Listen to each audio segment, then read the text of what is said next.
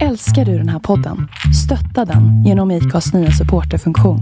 Det är helt upp till dig hur mycket du vill bidra med och det finns ingen bindningstid. Klicka på länken i poddbeskrivningen för att visa din uppskattning och stötta podden.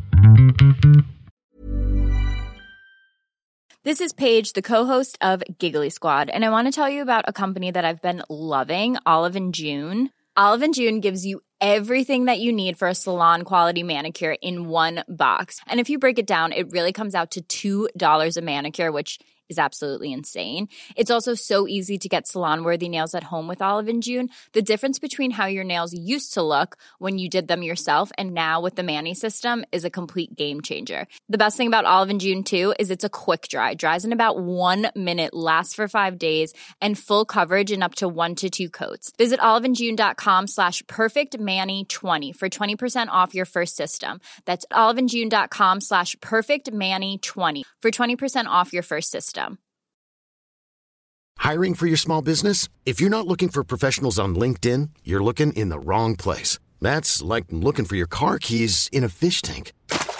LinkedIn helps you hire professionals you can't find anywhere else, even those who aren't actively searching for a new job but might be open to the perfect role. In a given month, over 70% of LinkedIn users don't even visit other leading job sites. So start looking in the right place. With LinkedIn, you can hire professionals like a professional. Post your free job on linkedin.com slash achieve today.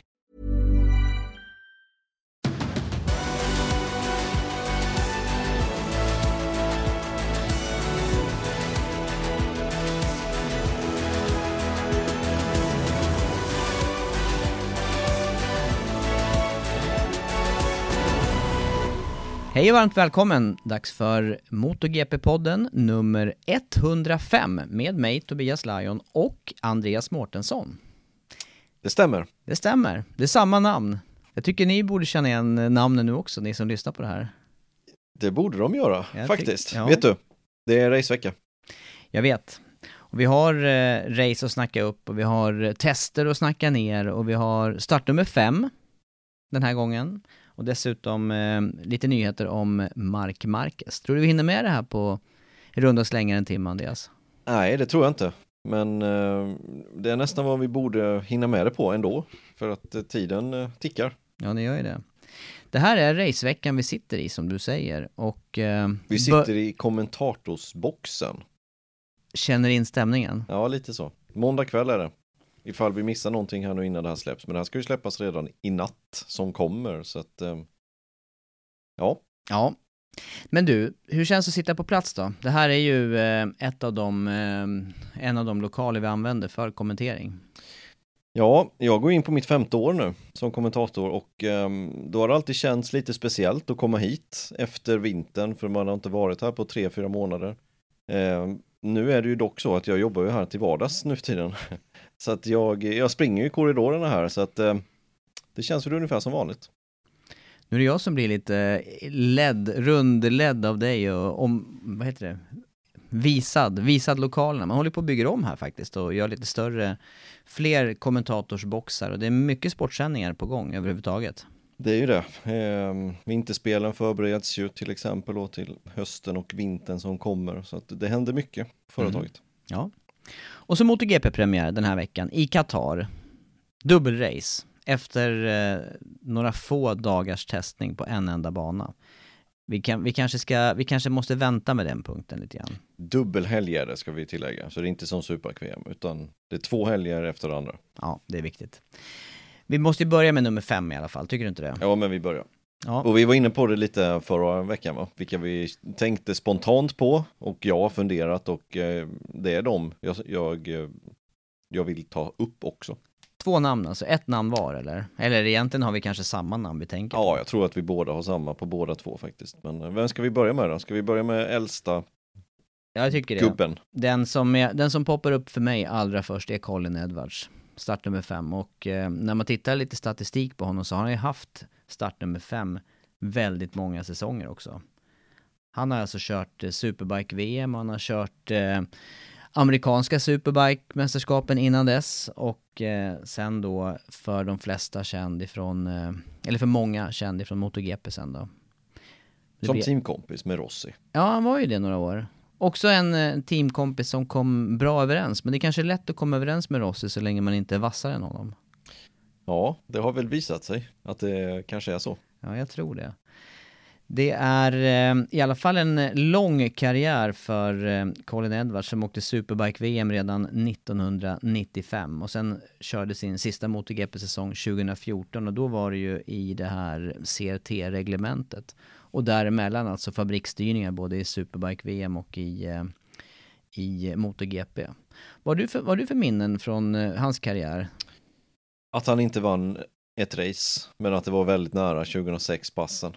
Ja, det, är det det, som, det är det som poppar, när man säger Colin Edwards, då, då är det på något sätt det som poppar upp först. Det är det minnet när han, han helt enkelt gör bort sig i chikanen och eh, ja, han, han slängs av cykeln, cykeln fortsätter rakt in i barriären.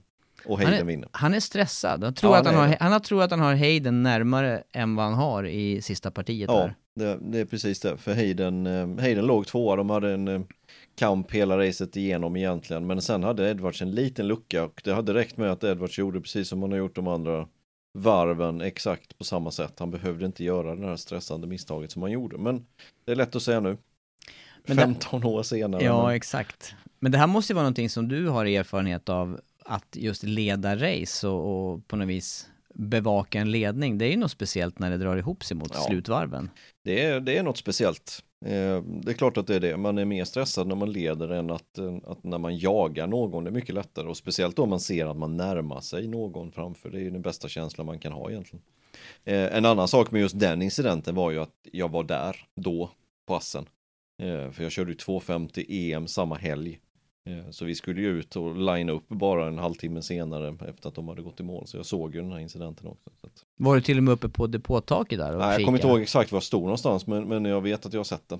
Så att, ehm, ja, Men man ska ju tillägga det också med Assen, den banan är ju faktiskt möjlig att ta in ganska mycket på under ett eh, slutvarv så där. Det kommer man, kommer, får man lite närkontakt och får lite slipstreamen så går det ju fort hela varvet runt där. ja det, går, det går att ta in mycket tid på få kurvor eller få varv där. Det gör det. Också den, på den tiden, då var det ju eh, fortfarande en, en riktigt lång slinga där de använde, vill jag minnas. Nej, inte till 06. Var det inte det? Nej, då hade de, det var första året som de hade byggt om så att det var den nya inledningen på varvet. Okej, ja då, då får jag backa där.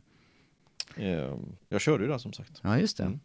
Men du, jag, inga andra minnen då? För jag, jag, om jag backar i mitt band där så tänker jag på Superbike-eran. Han var ju, han var ju en riktig, eh, han var faktiskt en av mina favoritförare ett tag. Dels så hade han en säregen körstil, han satt ju väldigt rakt med ryggen och ganska lång och sen benen rakt ut i, åt sidorna. Det kändes som att han skulle ha knäskrap nästan på rak, på raksträckorna. Ja, han, han har en väldigt speciell körstil.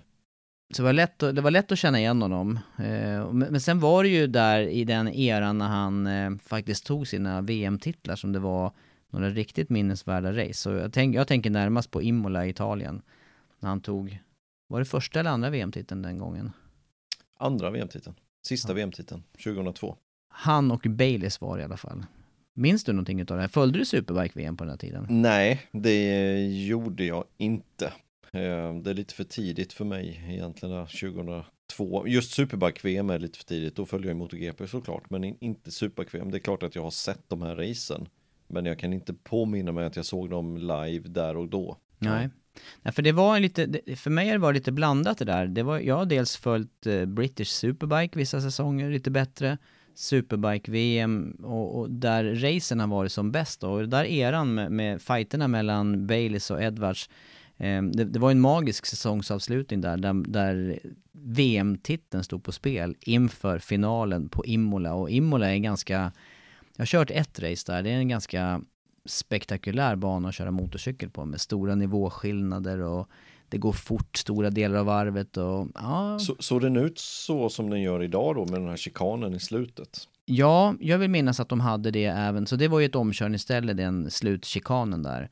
Och just den här fighten mellan Edwards och Baileys, jag har inte räknat omkörningen men det är en sån där eh, som jag skulle vilja gå tillbaka och se hela loppet för de låg alltså sida vid sida och hjul i hjul under i princip hela racet och som sagt var jag tror att de gick in i den där racehelgen med, om de, om de inte var lika i mästerskapet så var det bara någon ströpoäng som skilde dem. Har det inte blivit kallad också den där showdown at Imola eller något liknande? Jag vet inte, jag känner inte igen faktiskt. Jag har inte, jag har inte Jag kollat det. upp det där. Tror det. Just att det var den här täta fighten i, i slutet och den säsongen där 2002, den var ju magiskt för Edwards för han hade ju som sagt pallplatser rakt igenom, förutom i premiären, en fjärde plats. Annars är det bara pallplatser rakt igenom och nio raka segrar i slutet på säsongen. Och intressant var att han körde, hade han nio raka sa du? Ja, Ja, just det, så var det. För Baileys var ju i princip, han var ju klar världs... Det var en sån säsong ja. Baileys var ju mer eller mindre, man hade ju nästan räknat in VM-titeln på honom. Och sen som du säger så tuggade Edwards i kapp. Det var ju det som var det riktigt häftiga. Det hade jag fram, faktiskt... till, eh, fram till USA så, så hade ju Edwards bara två segrar medan Baileys hade ju ja, runt 10-11 segrar. Men sen vände allting och sen blev det alltså nio raka i slutet för, för Edwards. Troy Baileys alltså som eh, sedermera blev eh, världsmästare i eh, Superbike-VM och även eh, han- han var ju känd för övrigt för den här säsongen han vann Superbike-VM och sen vann MotoGP, sista racet på Valencia. Ja, Men, men just Edwards Samma år. där, ja samma år ja. 2006 som vi pratade om nu. Just det. Just det. Men du, eh, den här eh, när, eh, när Edwards då tog titeln och blev världsmästare, han körde ju dessutom på Honda VTR. Gatmodellen hette SP2 eller SP, SP2 var det med helkåpa.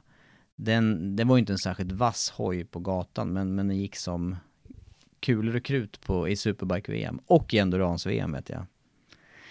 Ja, det var bra. Stor fight där, de emellan. Men du i övrigt då, vi, vad säger du? Vi har ju faktiskt personliga minnen av Edwards också för två år sedan i, i eh, Texas. Ja, Hans det har vi. ranch. Ja, vi fick ju möjligheten att komma till hans ranch där i, eh, vi var bara där i två dagar, men det var väl spenderade dagar och vi fick hela kvällarna helt för oss själva där under, under lyset och under taket. Det var bra, vi behövde lite inkörning där. Vi kom Ja. ju mitt i en kurs som hade hållit på i tre, fyra dagar. Vi höll ju på med massa annat, vi var ju på Indycar och vi höll ju på med span, eller spanska mästerskapen, amerikanska mästerskapen var vi på, vi hade massa annat att göra. Ja. Men det visst var det häftigt ställe att ha varit på i alla fall. Ja, mycket, mycket. Och eh, hoppas komma tillbaka dit nästa år då. Ja, då ska jag hålla mig på julen. Jag hade, jag hade ont i en axel ett år efter den där, efter den där Ja, sladdkursen. Och jag hoppade på kryckor hela den veckan så. Visst var det sådana kryckor som du hade under Ja, armhålorna med? visst, det var riktiga amerikanska kryckor som jag fick på, på Kota sen. Ja. Ja, ja det, var, det, var, det kändes familjärt får jag säga. Nog för Ja, det var riktigt bra. Vi övernattade ju till och med där. Det var, nej, det var riktigt kul faktiskt. Eh, rekommenderas att gå hans sån här bootcamp som man brukar ha. Mm. Ja, Sen tog han ju, från 2002 där han tog titeln, sen blev det ju MotoGP. Eh, först på Aprilian. Det minnet man har där, det är ju när han slänger sig av när den börjar brinna. Saxenring. Ja. Mm. Det är ju- dramatik, det är dramatik. Ja, det är dramatik. Och den, det, jag har ju, ja just det, och det, den Aprilian var ju så speciell också, den där motorn var ju helt magisk. Den, den lät nog helt enormt, gjorde den. Speciellt ljud i den Aprilian, om ni kan kolla upp någon sån, någon sånt klipp. Men det, det, var, det var en läskig vurpa. Han Ja, det det. skickade iväg cykeln. Sen blev det Honda året efter och sen blev det då Yamaha, fabriksteamet i eh, tre säsonger till att börja med och sen till Tektra då i fyra säsonger. Det är ovanligt att gå den vägen. Ja, Från fabriks till... trodde mycket på Satellit. honom där och så tillsammans med Rossi och att det skulle passa bra ihop. Och det gjorde det ju fram till eh, 2007 när han inte fick vara kvar längre och det var ju för att en viss Lorenzo då hade gjort ganska bra resultat med två raka titlar i eh, Moto 2 som det inte hette då utan 250. Eh, och så upp i fabriksteamet då. Mm.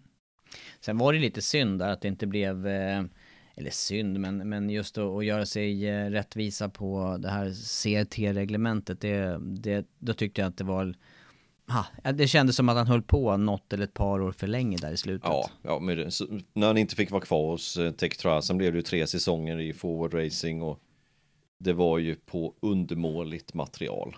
ehm, var det. Ja, det, blir, ja, ja, det är lite synd. Så vill, så vill man inte se de här gamla hjältarna Nej. avsluta. Då, de, då dalar de lite för mycket tycker jag Ja, resultatmässigt. Ja, Ja. ja, det är första nummer fem i alla fall. ja, så vi tar nästa då. Då blir det ju nutid och en aktuell förare och en som kör Sarko. Mm. Johan Sarko. Han är också för mig starkt förknippad med nummer fem. Mm. Med sin Salto. Ja. Det var ett tag sedan vi fick se den nu. Jag såg den senast idag på Instagram i och för sig, men då gjorde han den ner i en pool i Qatar och det är inte riktigt samma sak. nej han har gjort ganska vågade. Jag, jag tyckte ibland att, nej ska han verkligen göra de här bakåtvolterna då efter? Jag tyckte den när han hade på sig race. sina eh, läderhausen där i Österrike något år. Den kändes lite riskabel. ja, ja, ja. Det, det, när allt har gått bra, då vill man ju inte göra den där grejen efter målgång. Men, eh, men dubbel världsmästare i Moto 2, det ska han, det, det kan ingen ta ifrån honom. Riktigt bra säsonger där. Ja, eh, och 2013, 14, vad var det här för år? 15-16. 15, 16. Ja. Ehm, tar vi det lite från början där så började han sin karriär i Red Bull Rookies Cup 2007 som han vann. Tre raka segrar i slutet, bara pallplatser förutom en trettonde plats i Holland. Eller Nederländerna. Annars eh, var han ganska dominant den säsongen som, och vad var han då, 17 år. Och ehm, ja, sen vidare in då i 125 till att börja med. Och sen blev det då Motor 2. Mm. Och där åkte han ju i eh, team ett år. Eh, den säsongen vet jag att jag hade lite närmare kontakt med, med Sarko där och även med hans manager Laurent Felon. Och eh, ja, han, han började ju visa framfötterna redan under det året med Sute-chassi. Ja, det gjorde han där 2014 var ju den säsongen när, han- när han körde för KTM och, och sen tog han ju steget över till Kalex och det var ju då också han vann två titlar på Kalex. För Kalex hade ju vid den här tidpunkten gått om och sprungit om Suter.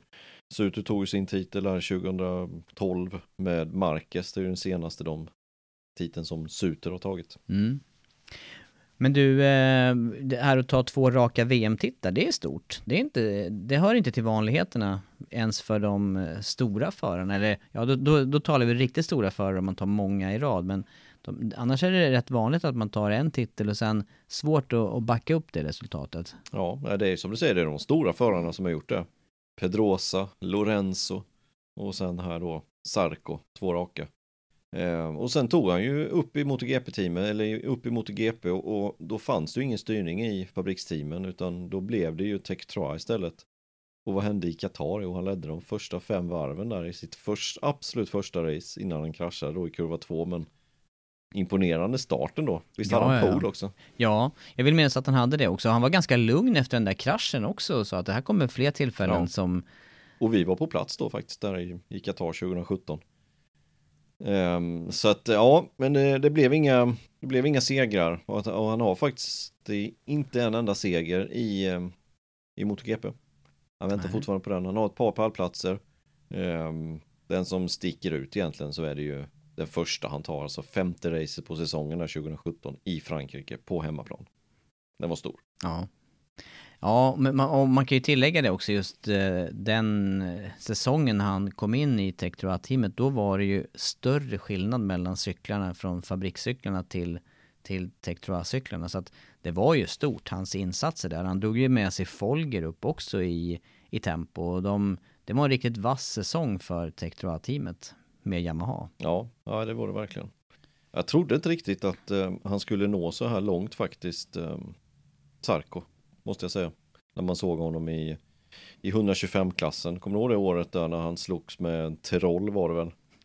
2000, kan det ha varit 11? Misano, Misano bland annat. Men hela den säsongen egentligen och, och där hade han ju, jag vet inte hur många andra platser men det var en 6-7 stycken som han hade. Lyckades ta en seger till slut och den segern är faktiskt den enda segern i GP-sammanhang han har förutom när han vann sina Moto 2-titlar. Jaha.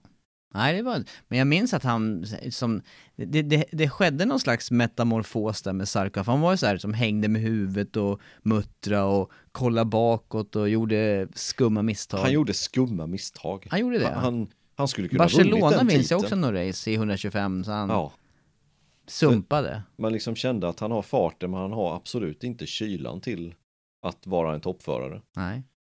Eh, och det visar den säsongen där också med de andra platserna, tredjeplatserna. En seger som sagt. Eh, tvåa i mästerskapet slutar han till slut. Eh, men sen i Moto 2 då funkar det bättre. Mm. Men vad säger du om honom här nu då? Då får man ju ta till, eh, till kommande säsong här. Vad har, vad har han för chanser i år? Pramac Ducati? Jag tror han har riktigt bra chanser, faktiskt. jag tror det. För förare, som förare är han riktigt vass. Och nu blir det andra säsongen här på Ducati och senast han körde samma fabrikat två år i rad, då är det ju Yamaha-tiden. Sen blev det ju fabriks KTM, hoppade av det. Det blev Honda några race och sen till Ducati. Så ehm, jag tycker han har sett vass ut och, han såg vass ut förra året också. Ja, och jag hoppas också att han kommer tillbaka till den här jämnheten han hade i Moto 2, för samtidigt då, om vi tittar på eh, de här stora krascherna som han faktiskt har haft i MotoGP, där har han ju stuckit ut. Jag tänker dels på Österrike förra säsongen, där han kör in i Morbidelli. Eh, och sen den här, fall det var säsong, vilken säsong var det där man krokade ihop med Marquez på Philip Island? Var det de två förresten? Efter rakan där? Just det. I någon inbromsning. Han har gjort lite så här huvudlösa grejer några gånger. Ja, ja det var väl 2018 då, sista året på, på Textra ja. Yamahan där. Det, de, det har han ju inte råd med liksom. Eller, det inte, det, man kommer inte undan sådana stora krascher hur många gånger som helst. Nej, det gör man inte. Eh, och sen hade han ju en, han var rätt tuff mot Rossi också på, i Texas där. Inledningen av hans Yamaha-karriär. Just det, i det här S-partiet där. Kurva mm. 3 eller vad det blir för någonting. Ja, någon av de här 18 kurvorna som inleder varvet. Kurva 1 till 18. Det är den första och den är ganska svår, jag har ju kört där faktiskt och den, den är ganska svår under bron där och så man måste liksom svänga i tid. Och svänger man för sent då, då åker man rakt ut i det målade. Och det gjorde Rossi. Mm. Ja det stämmer, det var Sarko. Ja det var Sarko, men han har lite, han har lite sådana saker men å andra sidan så ju fler sådana saker man har på något sätt, ju, ju närmre kommer man den här tankeställaren att nu måste jag ta tag i mig själv. Oftast brukar det vara det. En del kan ju hålla på så här till någon annan avlösare, men ja. Ja, nej men det kan ju också. En, han, är, han, är, han är ju inte osmart Sarko, det är ju en smart kille. Inte. Ja, det är ju det. det är, men det är ändå lite huvudlöst vissa saker. Det är så här så att han skulle bara hejdat sig kanske något halvt varv till eller ett varv till. Eh, men frågan är som sagt var om han, det... Eh, han skulle mycket väl kunna ta sin första seger i år. Ja, det kan jag. jag. Det kan han faktiskt göra. Och han kan faktiskt göra det redan på söndag. Ja, det är en Ducati-bana, det är helt Verkligen. Mm. Tänker du på något annat då med, med honom? Nej, det var väl ungefär det. Ganska uttömmande om nummer fem. Jag tycker två, det. Två ganska ja, Jag har faktiskt haft en teamkompis med som har haft nummer fem. Alexander Lund. Han hade nummer fem när vi körde Pro Superbike förr i tiden. Mm. Sen hoppade han till sju när han körde GP av någon anledning. Fem var väl upptaget då. Ja. Ja. Edwards och Sarko alltså på nummer fem. Japp. Japp. Vad säger du om testerna då? Vi hoppar över till eh, ja. nyss avslutade tester, på, också på samma bana som säsongspremiären går av stapeln i år. Ja, vi tog ju det lite um, förra veckan när vi pratade tester och um, ja, det är ju Jack Miller som som toppade testerna och jag tycker han ser vass ut i år. Jag, jag har tittat lite mer på tiderna och ja, han, han, ser, han ser vass ut på den banan faktiskt. Och det gäller både enstaka varv och även under eh, race-distans eller ja, race-simulationer? Det, det gör det. Och frågan är om man, eh, om man kan hålla ihop det i år, eh, som man inte har kunnat tidigare säsonger. Det blir jättespännande att följa. Alla Ducati-förare, vi sa det även förra, förra veckans avsnitt, att alla Ducati-förare blir spännande att följa i år, för det är nya förare på nya positioner. På alla de här sex Jag tycker han har tagit, Miller har tagit eh, sin körning en nivå till och vi såg det redan under förra året där och ett race som kommer upp på näthinnan för mig är Valencia där, ett av Valencia-racen, fighten med Morbidelli, slutvarven. Det, det Miller har haft svårt med tidigare säsonger, det är ju att få däck och, och tempo genom, eller däcken att hålla och, och tempot att hålla under en hel racedistans. Ja, För fort har han kunnat åka i flera år. Och frågan är om man eh, kan ha lärt sig det. Kanske. Ja, för, det... för, inför säsongen förra året så, så trodde jag likadant som jag trodde av han nu. Att ja, men nu kanske han får sitt genombrott. Även fast han satt på en Pramac-cykel. Men sen tycker jag inledningen av säsongen och halva säsongen, det, det var det var inte imponerande. Eh, och frågan är varför riktigt, varför det inte var det, men det var lite, lite för mycket misstag. Jag kommer ihåg andra racet i, i Jerez, Banjaya var på en andra plats när hans motor gick sönder, körde skjortan av Miller. Mm, um, stämmer. Sen hade han ju otur i för sig Miller i eh, Spanien, det var ju senare på säsongen, Aragon. Där han blev omkullkörd. Eh, men Ja, det blandade, blandade resultat. Han behöver bli jämnare framför allt. Mm. Men jag tycker ändå från, från halva punkten, alltså halv, mitt, mitten av säsongen, från det så tycker jag att det hände någonting med Miller. Sen var han alltid med på något sätt i, i diskussionen om um, pallplatser. Men känns det som att han är den eh, förare som Ducati har som nummer ett i fabriksteamet? Ja, då? ja men det gör det. det, gör det. Och då, då blir min följdfråga där, hur, hur är han att utveckla eller att driva utvecklingsarbete på hojen? Ja, det är en jättebra fråga. Det kommer vi få reda på. Men hur det är just nu vet jag faktiskt inte. Nej. Nej, jag vet inte heller. Eh, En sak eh, att tillägga i det här, det är ju faktiskt att alla förare kämpade och jobbade ju mer eller mindre med de här nya bakdäcken från Michelin. Och där, ett tydligt exempel på det var ju Dovizioso som inte alls kom till rätta med det. Men Miller gjorde ju ändå en bra avslutande del som du Ja, säger. han gjorde ju inte bara ett race som var bra som Dovizioso gjorde, utan han gjorde ju flertalet bra race. Så jag tror ändå att det borde inte spela roll, men, men sen är också frågan Ducati, de väljer alltså att ta in nya förare på alla positioner och det kan inte riktigt vara tanken.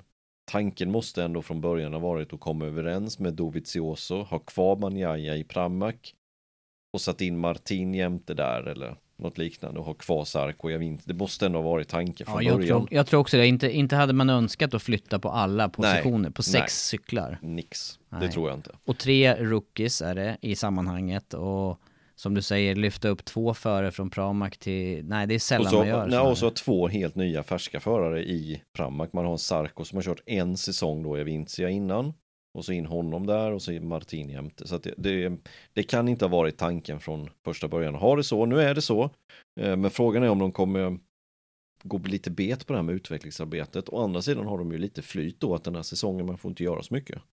Nej men det vi har sett på testerna det är ju arbete med eh, kåporna, aerodynamiken och vad jag förstått då så handlar det om för Ducatis del att få se om det går att få någon slags downforce-effekt när man, när man lägger ner cyklarna. Det låter ju spännande. De har ju alltid varit innovativa när det gäller Ja, ja. att utforma kåpor och vingar och redan för länge sedan. Ja, visst, visst är det så. Och eh, man får ändå ta det här testet här nu. Alltså Ducati i topp med Miller, sen är tre Yamaha efter det med Vinales, Quattraro, Morbidelli och sen ytterligare en Ducati då med Banjaya. Man, man måste ändå ta detta lite med en nypa salt. Det betyder inte att Miller kommer vinna mästerskapet bara för att han topp- toppar här. Det har vi ju sett många gånger. Men också Qatar är en Ducatibana. Vad är det som gör just det här till, för det är ändå så här långa svepande kurvor. Är det, Ja, Är det det, så det är pass så viktigt? pass långa. Det är det som är grejen. Den är inte, den är inte knixig. nej. Nej, det är sant. Och så lång raksträck. Rejäl raksträck. Och där såg vi toppfartsrekord av Sarko. Nämnde vi även i förra podden där. Näst, nu närmar sig 360 ärliga i klockad fart. Galet. Det är, det är ju jättefort. Ja, det är det faktiskt. Men, eh, men det blir spännande och sen även att följa Sarko som vi har pratat om här nu. Eh, följa honom. Eh, Jag tycker det såg lovande ut på testerna. Faktiskt. Mm. Ja, jag vill nästan, eh, det är nästan de två namnen som jag vill lyfta. Visst, vi såg Banjaya riktigt vass förra året, men han var ju, han var ju om, om Miller var ojämn så var ju Banjaya kanske ännu mer ojämn resultatmässigt. Ja, men han hade dock sina toppar. Som inte riktigt Miller hade. Nej, där han stack ut, eh, där, där Banjaya stack ut i positiv Ja. bemärkelse.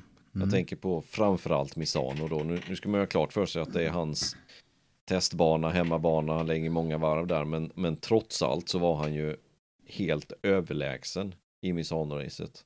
Tills han kraschade. Mm. Även väldigt snabb i Jerez ska vi säga. På båda helgerna. Ja, Ena så sköt han ju motorn då. ja. Och då var han ju faktiskt näst snabbast efter Quattararo, till och med lite snabbare än Quattararo vid det tillfället. Så att han, han har höga toppar. Och när vi pratade med Johan här för någon månad sedan så var det ju, då trodde ju han stenhårt på Banjaya och mer på Banjaya än på Miller. Och jag förstår varför, även fast jag ändå skulle sätta Miller lite högre denna säsongen. Så i, i framtiden så tror jag på Banjaya också väldigt, väldigt mycket. Men frågan är om han räcker till nu. Det, då, då ska det komma i så fall en, ett bra resultat inledningsvis, att han får med sig självförtroende. Men tror du att det här eh, utvecklingsarbetet och det lilla som går att göra till säsongen, tror du att det gör Ducatin tillräckligt eh, konkurrenskraftig då? För vi var inne på det ganska mycket under fjolåret här, att de, de räckte ju inte till fullt ut mot för Yamaha och Suzuki i slutändan. Nej, och ändå så vann de märkesmästerskapet. Det är märkligt hur det Ja. kan vara egentligen. Men det visar också hur tätt det är. Eh, nej, jag, jag vet faktiskt inte. Eh, jag- tror fortfarande att de kommer vara lite mer svajiga än de andra märkena. Det brukar vi se på Ducati. De är riktigt, riktigt vassa på vissa banor. Men på andra banor så är de inte med riktigt. Och det är ju det de behöver och behövt de senaste åren rätta till. Mm. Ja, för sen ska de ju matcha. Jag tycker vi kan hoppa vidare till nästa fabrikator och du nämnde här med Vinales, Quartararo och Morbidelli. Det är tre Yamaha-förare som fyller på där just bakom. Och det var ju lite det vi såg också under fjolåret här och Yamaha, om man nu dessutom har fått ordning på sina ventiler, man kan använda fler motorer under säsongen och det ser ju onekligen rätt lovande ut för Yamaha som helhet. Tycker ja, du inte det, det? Jo, absolut, absolut. Jag tror att Yamaha blir, eh, det blir märket att slå. Ehm, det tror jag faktiskt. Med tanke på precis det du sa, de har utvecklat lite grann, de har hittat på lite aerodynamiska lösningar för att få upp toppfarten lite grann. Och det är det de behöver, det är det de lider mycket av. Förra året led de ju inte bara av det, utan de led ju av att de hade sitt ventilproblem, de gick runt på två eller tre motorer max på hela säsongen, fick dra ner varvtal och spara på motorerna. Så att det där åtgärdat, sen är det om de får till chassit eller inte. Årets chassi påminner ju mycket om det som Morbidelli satt på förra året och som sitter på i år. Ja, räcker det? Räcker det inte? Det är också sådär jättesvårt att veta så här inför säsongen. Ja, för de var samtidigt ganska, nu ska inte jag säga att Morbidellis eh, cykel var så ojämn, men de var ju hyfsat ojämna i, eh, i resultaten. Någon var snabb, eller ett par av förarna var snabba, men ett par eh, funkar inte lika bra för. Så att, eh, Nej, och lite sen har de ju svajigt. en liten akilleshäl och det är just det att de, de segrar de tog förra året, det var från start till mål. Och eh, över ett varv, eller alltså tar, tar man och kör en race-distans per märke, då vinner Yamaha alla dagar i veckan på alla banor. Men det, får, det kan man inte göra. Utan man ska köra mot varandra i den här sporten. Det här är inte rally. Det ställer lite andra krav. Och det ser vi ju faktiskt på det här med, med testresultaten, för där har ju Vinales varit outstanding de senaste vintrarna. Ja. När det gäller att vara vass på tester som du säger. Och då är han själv på banan, inte i fight med andra, han kan välja sina spår och så vidare. Ja, Nej, det, det är sant. Men då får vi se hur Yamaha tar sig. Där har de ju också, där har de ju att slåss mot med, med tanke på hur starka Ducati är startmässigt. Och då blir det som en kloss framför. ja, det blir det. Så det blir också spännande att se hur de, eh, hur de ska komma vidare från det. Och sen också Morbidelli som många tror på inför säsongen med, med tanke på de resultaten han gjorde förra året, tvåa i mästerskapet. Nu sitter han på en äldre maskin och det kan ju vara en fördel. Men det kan också vara en nackdel. Och det är det jag är lite, det- det kommer ju visa sig givetvis, men, men det är ju frågan. Det brukar alltid vara det bästa att sitta på nytt material. Och Det gjorde han inte förra året och förra året kanske var det här undantaget då som bekräftar regeln. Men att göra det två säsonger efter varandra. Yamaha måste på något sätt ha lärt sig av vad som funkade förra året och gjort årets hoj bättre. Och samtidigt har de också gjort en rokad förarmässigt. Där de har bytt Quartararo mot Rossi, eller tvärtom då. Rossi har flyttat till Petronas-teamet och Quartararo till fabriksteamet. Eh, yngre förare, mer hungrig förare, en förare som kan köra om. Eh, ja, skulle också kunna falla på plats för Quartararo. Ja, det skulle det. Det beror på hur långt till källan han är mentalt från förra året. Mm. För det tog nog rätt hårt på honom. Han föll som en sten i slutet av Han gjorde det. mästerskapet. Ja, han gjorde det. Men, Och- men- och sen- men, just, eh, just det här fightmässigt, om du pratar race kontra test, där, där håller jag ju Quartararo lite vassare än Vinales, i alla fall när det kommer till de här man mot man-kamperna som vi inte har sett mycket av från Vinales någonsin egentligen. Nej. Nej, jag gör väl nästan det också, även fast jag tycker att det är väldigt, väldigt likt de två alltså. Måste jag säga. Chansen att de hamnar relativt lika i mästerskapet är stor. Ja, Ja, det den är den. stor. Ja, där är den ändå. Men visst, det som den vi har sett från Quattararo så är han vassare på att köra om än vad Vinales är. Och ehm, det blir spännande att se och det blir spännande att följa deras interna kamp. Ja, också. Riktigt spännande. Och det kanske är det som gör att Morbidelli kan sticka ifrån dem. Just deras interna fight. Mm. Hur mycket kan Rossi visa sig i år då, tror du? Ja, det är, det är också en jättebra fråga. Eh, första två testdagarna väldigt missnöjd. Eh, tyckte att det var ungefär samma sak som förra året, såg inga förbättringar och var ungefär där i listan också. Alla tre Yamaha var högt upp medan Rossi var långt ner. Sen tog det sig och till slut så var han ju då 8, 7, 8 tiondelar efter sina Yamaha-kollegor slutade på en elfte plats på testet. Men frågan är vad det räcker till. Vi vet att han är ingen testförare heller utan han blixtrar till på söndagar. Det, det vet vi av erfarenhet att det är på det sättet. Eh, så jag, jag, tror att det kommer gå bättre i år än förra året. Det kan knappt gå sämre än förra året för det var, var det tre eller fyra nollor på rad. Ja, just det. Men då var han ju med, jag kommer ihåg Barcelona där, alltså det, det där Quattararo-segern, den hängde i luften alltså. Och som det utvecklades i det racet med Suzuki som kom bakifrån, däcken som tog slut för Quattararo, där hade inte Rossi vurpat där kurva två så hade han varit med ordentligt i det mm. racet. Så att farten finns. Det finns fart för fallplatser. Och kanske till och med segrar. Men i mästerskapet så tror jag han får det tufft. Ja, jag, jag, jag är inne på samma linje som du där. Och sen är det frågan också hur mycket man kan eh, förnya sig själv. Vi ska komma ihåg att han har ju funnits med i evigheter i det här mästerskapet. Och nu behöver han kanske inte förnya så mycket, men det kommer ju de här yngre förarna som kommer in i mästerskapet, de tar ju körningen lite vidare, det måste man ju säga. Så att, eh, ja, ja, ja. Ja, men ändå det. Visst, det gör de absolut. Nu är det nästan samma förare som förra året. Ehm, men det är klart, han byter team nu. Kan det få ett lyft? Jag tror det. Lite mindre mediafokus. Komma ifrån fabriksteamet, ner till Petronas. Det kan vara ett lyft tillsammans med Morbidelli. En förare som han känner mycket för, som han har coachat fram och hjälpt fram till den styrningen han sitter på. Kan också ge saker och ting. Sin halvbror i startfältet, kommer det hjälpa eller skälpa? Var kommer fokuset att ligga? Så första gången han, han lägger sig på en träning och ska dra Marini, då, då har hans fokus försvunnit. Så det vill jag inte se överhuvudtaget. Nej, sant. Sant. Det där, då, då visar han det i Qatar nu till exempel, men då, då vet man hans fokus är inte där det ska vara. Så att Svårt. Mm. Ja, jag eh, tycker vi eh, studsar vidare till, tittar vi på testerna här så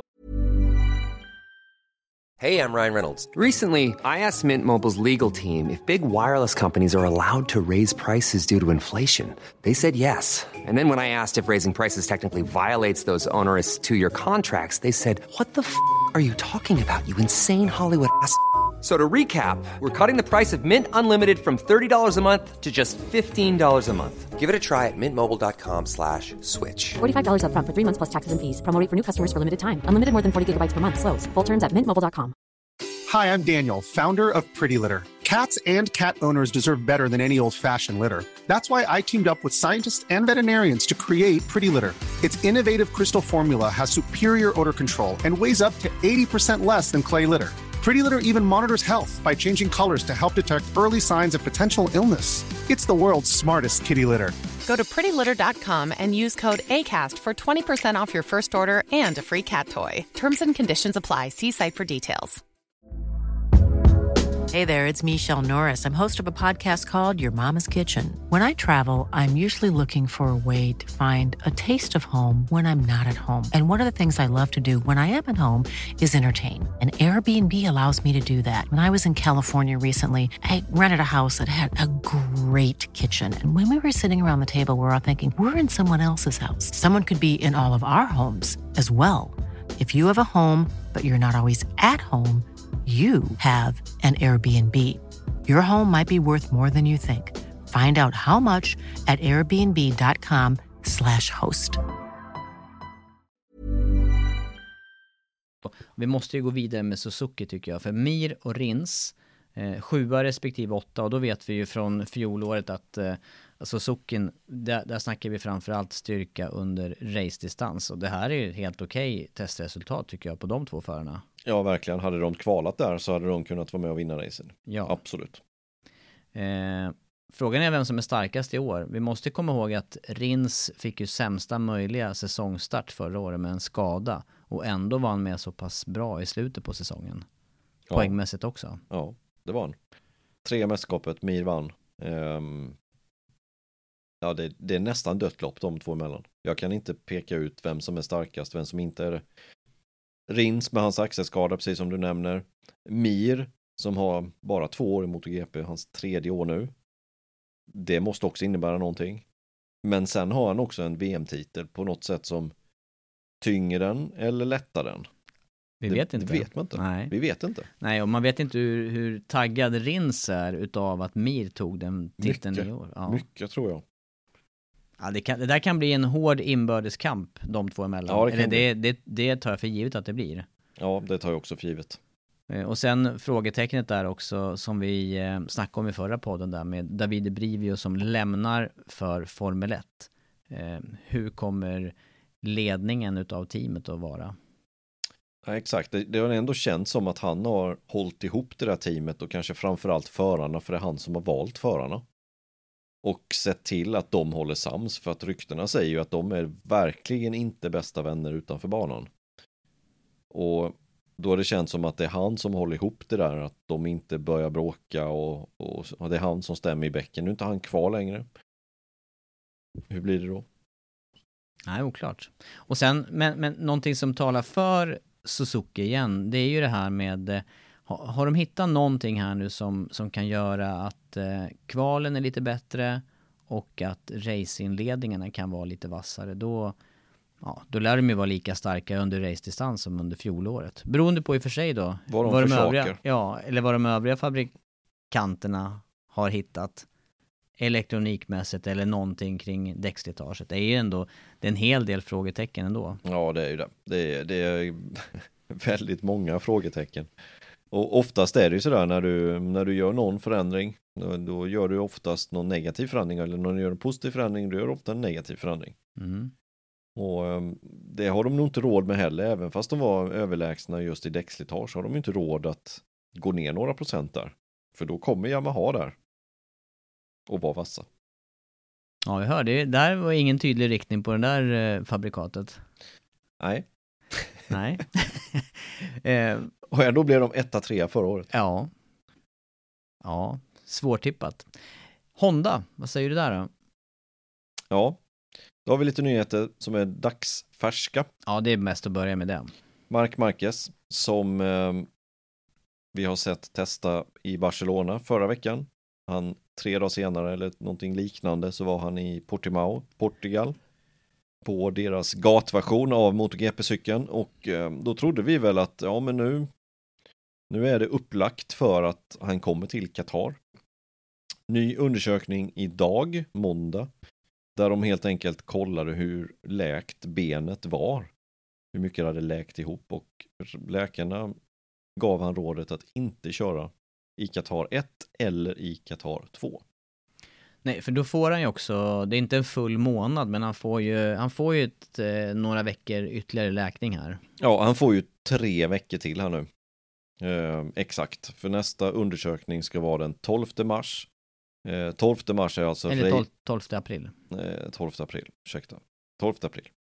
Ehm, och då är det ju racet sen i Portimao är ju 18 april på söndag sen. Så att det är alltså den raceveckan där nästa är. Så de har nog skjutit det så långt det egentligen går. Och så kommit fram till att vi måste ta ett beslut egentligen den måndagen för att kunna vara förberedda till Portimao. Så nu får han tre veckor till då från och med idag. Och um, det går inte att kritisera det beslutet utan det är ju som det är. Han vill vara 100% fit när han kommer tillbaka. Han vill veta att benet inte gav om man skulle krascha igen på grund av att det inte har läkt färdigt. Och, och det är ju smart i sammanhanget. Ja, ja, har man haft en sån här lång rehabilitering och de komplikationerna som har varit, då är det ju väldigt klokt att lyssna på det här nu. Sen det- såg vi ju att det var, jag menar han har intensifierat träningen och, och gjort de här testerna. Det, det båda ju gott ändå i slut. eh, Ja, men det gör För, det. för närmsta horisonten här. Ja, men det gör det. Eh, och jag har hört rykten från flera källor som sagt att han räknade med faktiskt att vara i Qatar, men han ville, han ville vara 100% säker att läkarna var på hans linje. Vilket de nu inte var. De var lite tveksamma och då ställde han in. Så att det här kom, med största sannolikhet så kommer inte det här att dra ut mer på tiden som det gjorde förra året. Men han är tillbaka då, han är tillbaka då och sen bara dröjer det ytterligare utan det här är nu för att benet ska få några veckor till att vara helt läkt. Och det är ju fortfarande, om vi hade pratat om detta den 3 december, vilket vi gjorde i den podden, då var det ju först tre månader läketid och sen ytterligare tre månader rehab. Då landar vi i maj. Nu kanske han då kan göra comeback här efter fem månader drygt. Ja. Ändå eh, snabbare än vad man spekulerar i där. Exakt. Mm. Ja, det, här gör i alla fall att det blir lite på vänt för, eh, för Honda och ja, än det, så det länge... Blir ändå, det blir ändå två racen till hela världen för Marcus del. Jag ser ändå honom som en titelaspirant i slutändan. Det är 20 race som ska köras, eller 19 eller vad det blir för någonting nu till slut, men det är många race kvar. Och den som kommer ifrån Qatar med flest poäng tror inte jag kommer vara den som slåss om mästerskapet till slut. Så har det visat sig de senaste säsongerna också, att det har ju varit eh, en, det är en bana som sticker ut från de övriga. Det är ju det. Um, så att det är inte som Jerez till exempel, där Quattararo gick iväg med 50 poäng och man, man, nu blev ju inte han titelaspirant till slut ändå, men man trodde ju ändå att han skulle kunna vara med. Jag tror inte att det kommer bli på samma sätt här. Men eh, det är klart att det fördröjer ju allting. Hade han varit på plats nu då hade han bara missat fyra testdagar. Den här säsongen då så sagt, sen har missat redan förra säsongen. Men, men den här säsongen fyra testdagar, nu missar han ytterligare då sex dagar till. Det är ganska mycket. Och en racecell, ja då tar man ju steg hela tiden. Nu ska han börja om från noll då, om vi säger Portimao, då kommer han till en ny bana. Som man inte har tävlat på i MotoGP-klassen. Det blir svårt. Så att det, det, det är ju inte så att han bara missar de här utan han, han får en längre startsträcka sen när de andra är i fullt igång. Ja, precis. Och de andra då i det här fallet är ju, eh, om man tittar på Honda då, Stefan Bradel kommer ju fortsätta ersätta Marcus då de här två inledande helgerna. Eh, men också eh, ny i teamet, Paul Esparger och han har överraskat i, i positiv riktning under testerna. Ja men det har jag verkligen gjort och um, varit med hyfsat. Det har sett bra ut. Slutade testet då på en tionde plats, bara sju tiondelar efter. Och det satte han faktiskt redan på tredje dagen den här tiden så att ser bra ut ändå för Paul Sparger. Måste jag säga. Och, och jag är inte alls förvånad om han kan uh, sno ett race i år. Ser vassare ut eh, direkt än vad både Alex Marquez och Nakagami gör, eller vad säger du där? Ja, det tycker jag. Det tycker jag faktiskt. Och det, lite och förvånande hade de, hade ju, Ja, båda de hade ju, det lossnade ju på, på olika håll där under andra halvan av säsongen mm. för, för både Alex Marquez och Takaki Nakagami. Ja, det gjorde det. Men de var längre ner. Nakagami på en tolfte. Marquez var ju den sämste utav Honda-förarna här. Alex Marquez alltså på en artonde plats. Och um, kraschade nog fem gånger tror jag. Bröt, bröt något ben i foten också. Sista dagen, näst sista dagen. Vilket gjorde att han var tvungen att hoppa över sista dagen. Å andra sidan så var det ju så mycket sand på banan då så att det var ju i princip inte någon som körde så att ja. Den ska ändå vara läkt vad jag förstår det som hyfsat. Men tror du Hondan eh, som eh, i och med att man saknade Mark Marquez förra året har eh, har man tagit steg från Hondas sida för att göra den här cykeln lite mer körbar för fler förare? under fjolåret? Är det, är det känslan som man kan ta med sig? Ja, det är ju känslan och sen är det ju känslan att de kom med ett nytt chassi i Misano-testet och att det hjälpte till. Ehm, men det, det, blir ändå spännande att följa de förarna där, både Marquez, Alex Marquez och Nakagami för att precis som de avslutade säsongen väldigt starkt, två pallplatser för Alex Marquez, ett i blött, ett i torrt. Ehm, ja, han sitter ju på samma material visserligen då, men Nakagami har ju hoppat upp ett par årsmodeller och sitter på det absolut senaste också. Så att, ja, väldigt... och, och kan han dra någon lärdom av det som hände på Aragon, då, då kan ju han kan vara i toppen. Inte under, jag tror inte under en full säsong än så länge, men eh, enstaka racehelger i alla fall. Ja, ja. Han körde ju bra i Valencia. Ja, det gjorde han. Det gjorde han. Faktiskt. Igen. Stämmer.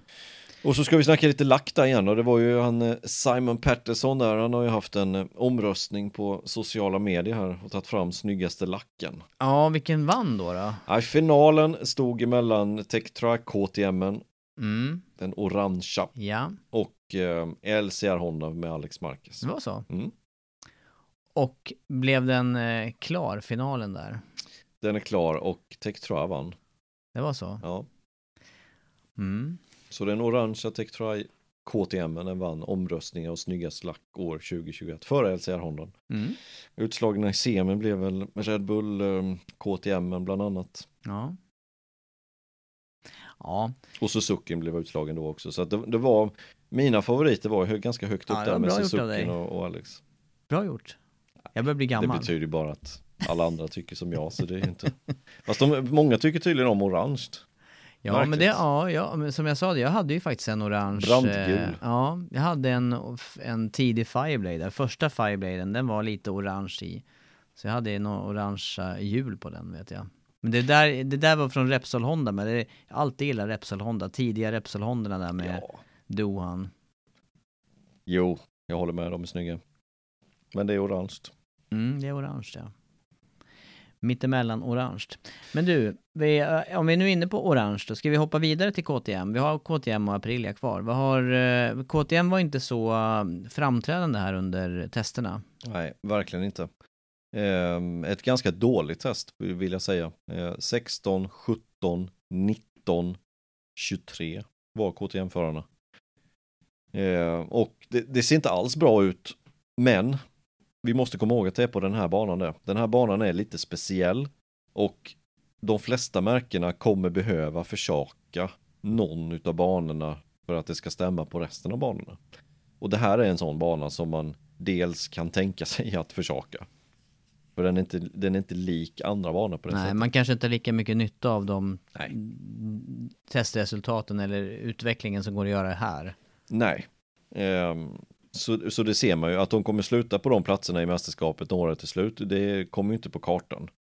Ehm, för så mycket har inte förändrats sedan förra året och då tog de trots allt tre segrar. Så att de är vassare än så här, men det visar ju att de kommer nog få det tufft denna helgen och nästa helg. Mm. Och sen kommer det Portimao och där såg vi hur det gick med eh, Oliveira förra året. Överlägsen. Det såg vi. Ja. Men vem kommer att vara vassast utav eh, fabriksförarna då? Binder eller Oliveira som nu sitter bredvid Binder och de har varit teamkollegor tidigare i Moto 2. Ja, det är också sådär omöjligt att säga Ja. nästan. Väldigt olika körstil har de. Ja, men det funkar ju båda två. ja. Men, men så här rent spontant så tror jag mer på Binder. Men Oliveira tog två segrar förra året och också visat sig väldigt, väldigt vass. Och lite mer erfarenhet. Så att, ja du, jag, vet- jag vet faktiskt inte. Jag skulle säga att det är, det är så hårda kamper här inbördes mellan KTM-förarna Oliveira Brar eller Oliveira Binder. Mellan Yamaha med Quattararo och Vinales. Eh, med Miro Rins.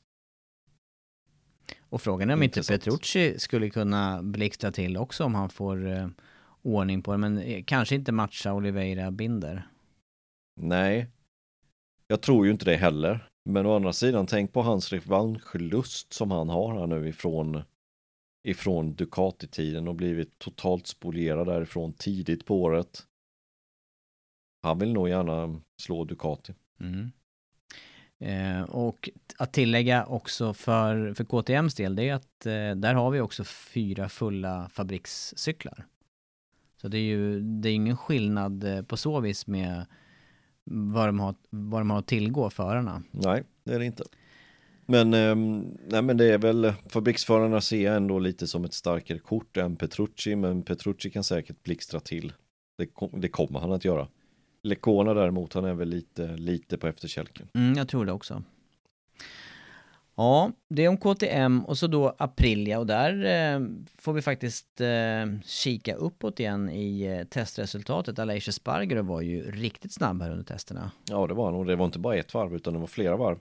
Slutade sexa på testet och gjorde, gjorde ett bra test och återigen ny cykel hos Aprilia. De har ju fortfarande sina fördelar kvar. Och vi får väl se om det håller denna säsongen istället. Då. De, de drogs ju lite med att de hade det här motorhaveriet i början av förra säsongen, vilket gjorde att de fick skruva ner effekten på motorn och sen var de ju aldrig med riktigt. Kan de nu ha fått ordning på det ordentligt till den här säsongen? Ja, kanske dags för pallplatser. Han är, det, som talar emot är att han är ensam på toppen här. Det är ju eh, ingen som backar än så länge då. Vi får väl se här vad som händer. Salvador är andra föraren i teamet och sen eh, nämnde vi i vår förra podd här att det är att, klart med testkörning för Andrea Dovizioso. Han har tackat ja till testkörning med Aprilia. Lite oväntat för mig faktiskt. Ja, han eh, saknade väl det här lite grann, uppenbarligen. Måste det vara något sånt? Ja, no någonting måste det ha varit i alla fall. Eh, men eh, jag tror faktiskt han slog sig lite grann här i helgen. På en eh, motocross-tävling i Italien. Han la ut någonting idag nämligen att han var okej, okay, men, men jag tror att han är duktigt mörbultad. Det verkade så på de rapporterna som kom först. Men det är ju, det är ju cross vi pratar om så att då... ja. ja. Ja, det hände ju så sent som förra året. Han var ju skadad i, eh, inför säsongstart, visst var det så?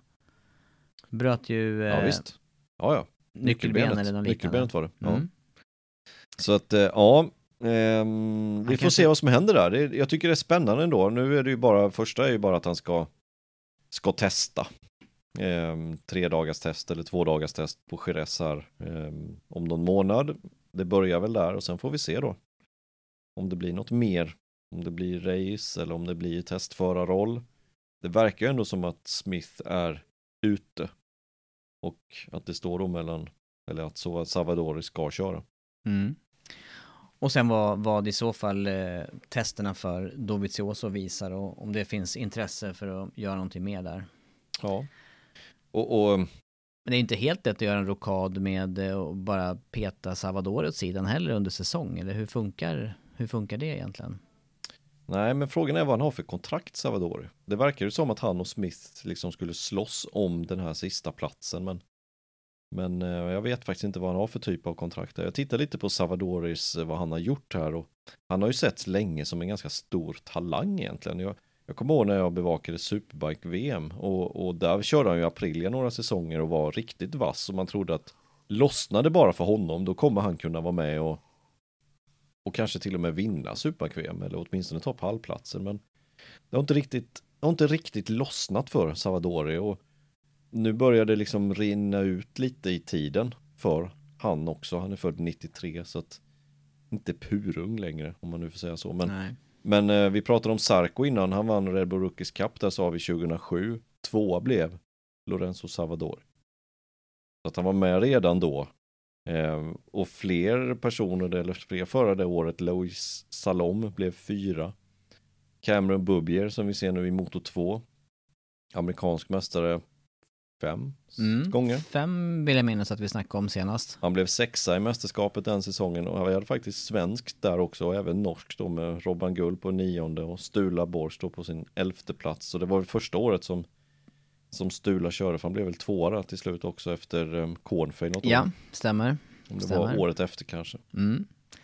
Du kommenterar väl det Borro, du borde ju kunna det här. Ja, ja men du, det där var ju mardröms, mardrömskommentering. Sist låg racen när man har suttit i x antal timmar innan och och pratat och sen kommer 28 likadana förare. Ja, exakt. Som är 12 år gamla.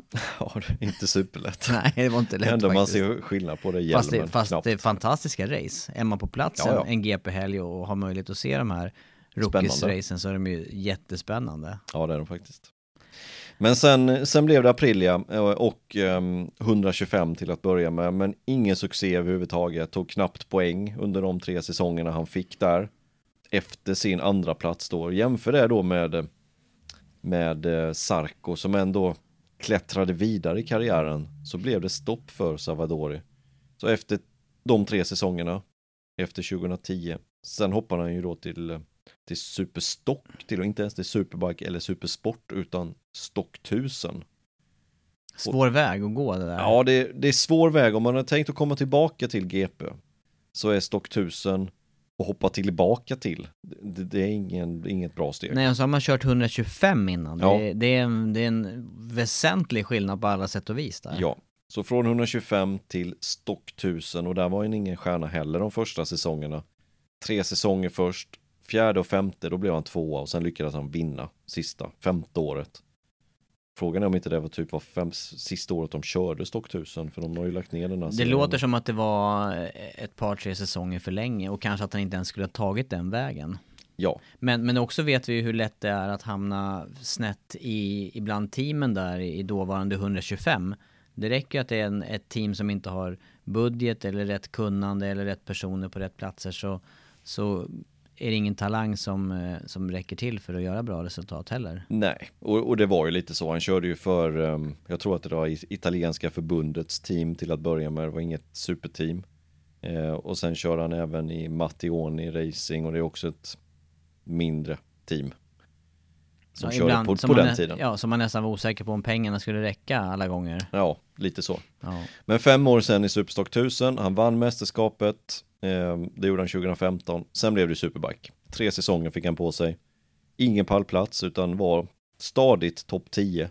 Men lyckades aldrig riktigt eh, komma därifrån. 16, 17, 18 Ehm, och sen efter det då så blev det ju Moto E till 2019. Ja, lång och krokig väg. Väldigt krokig väg. Mm. Och um, där blev det inte heller något bra, utan där slutade han 16 i mästerskapet med en sjunde plats som bäst i Moto E. Och sen blev han då testförare hos Aprilia. Så att det är ingen spikrak karriär. Och det som talar emot då att man ska kunna slå Aleix Spargero Ehm, det är ju rätt mycket. Mm, det är det. Och, att, det, då... att, att det här sista steget i MotoGP ska komma till en när man har haft tio år på sig och inte riktigt presterat. Det är ganska låg chans. Och samtidigt har Aleix Sparger under hela den tiden kört GP-cyklar och kört eh, och varit vassast. Vi, vi, nämnde ju, vi snackade Colin Edwards tidigare här, de, de körde ju samma team ett år, Forward Racing, och då var ju Aleix Sparger och vassare än Edwards. Ja. Så um, det, det, är ingen, uh, det är ingen dålig första före där i Aprilia-teamet. Men Nej. det ska bli intressant att se om, om Dovizioso eh, lyckas någorlunda i testerna och, och, kan också komma med någon input som kanske tar Aprilian det här lilla sista steget också. I så fall har vi ju ett mästerskap med, med sex fabrikat som kan vinna race. Det hade ju varit kul. Ja, det, det tycker jag skulle ja, vara roligt. Ja, absolut. Absolut. Du, närmsta veckan här nu då, det är, bara några, det är bara timmar, några få dagar kvar till första racehelgen som drar igång 26 mars och så race 28 mars. Eh, vågar du dig på någon eh, tippning så här i... Vi spelade in ett litet eh, magasin här i fredags. Eh, och ehm, jag tog fram sju förare som jag tror kunde vinna mästerskapet. Det, det, jag tror att man hittar, årets mästare hittar vi bland de sju, det tror jag.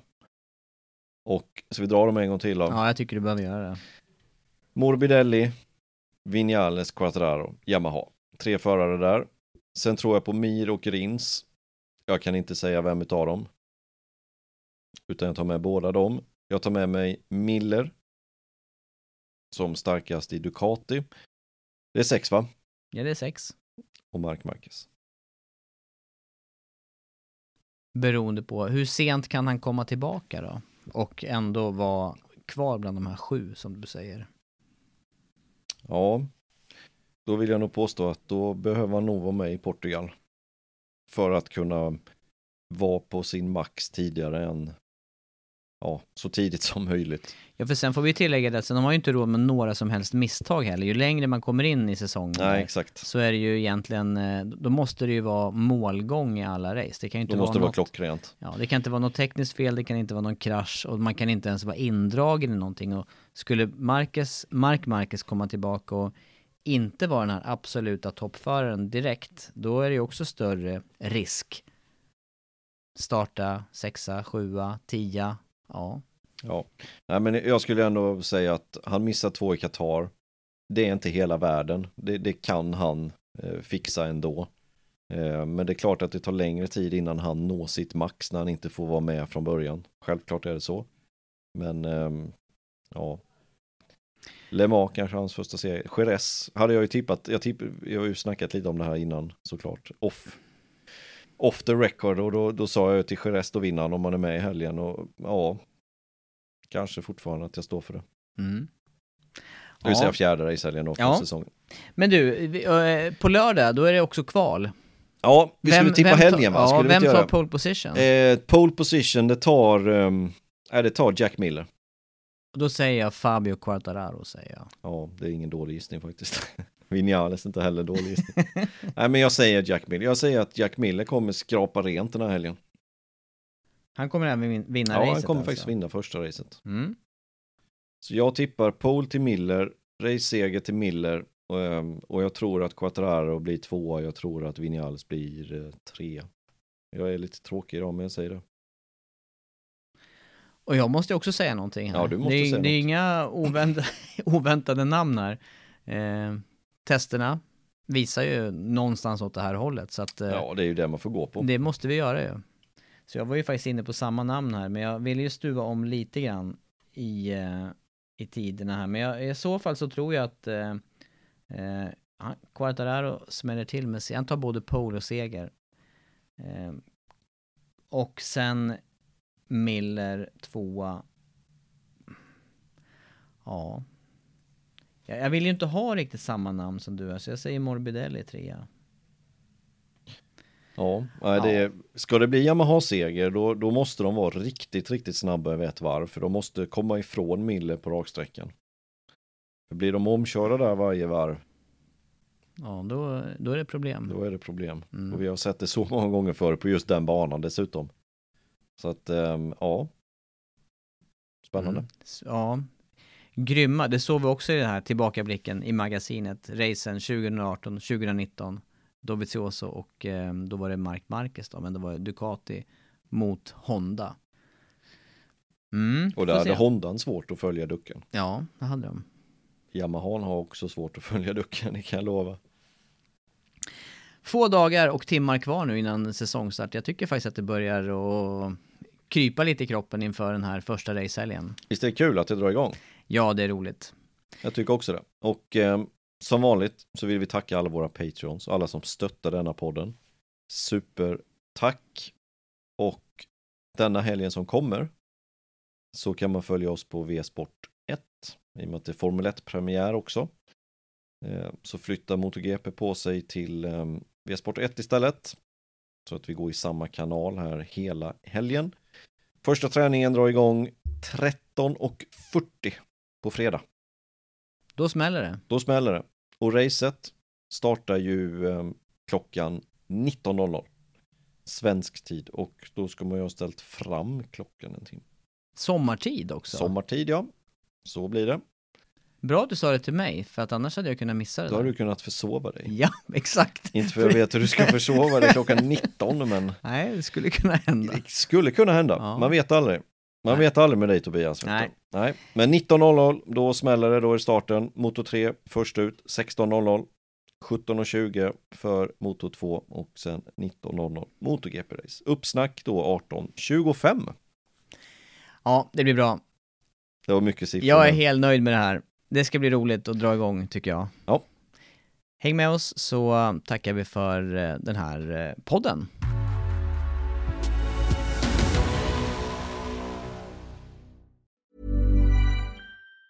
Planning for your next trip? Elevate your travel style with Quince. Quince has all the jet setting essentials you'll want for your next getaway, like European linen, premium luggage options, buttery soft Italian leather bags, and so much more. And it's all priced at 50 to 80% less than similar brands. Plus, Quince only works with factories that use safe and ethical manufacturing practices. Pack your bags with high-quality essentials you'll be wearing for vacations to come with Quince. Go to quince.com slash trip for free shipping and 365-day returns. Ever catch yourself eating the same flavorless dinner three days in a row?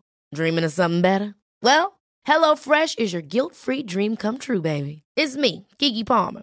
Let's wake up those taste buds with hot, juicy pecan-crusted chicken or garlic butter shrimp scampi. Mm. Hello Fresh. Stop dreaming of all the delicious possibilities and dig in at HelloFresh.com. Let's get this dinner party started.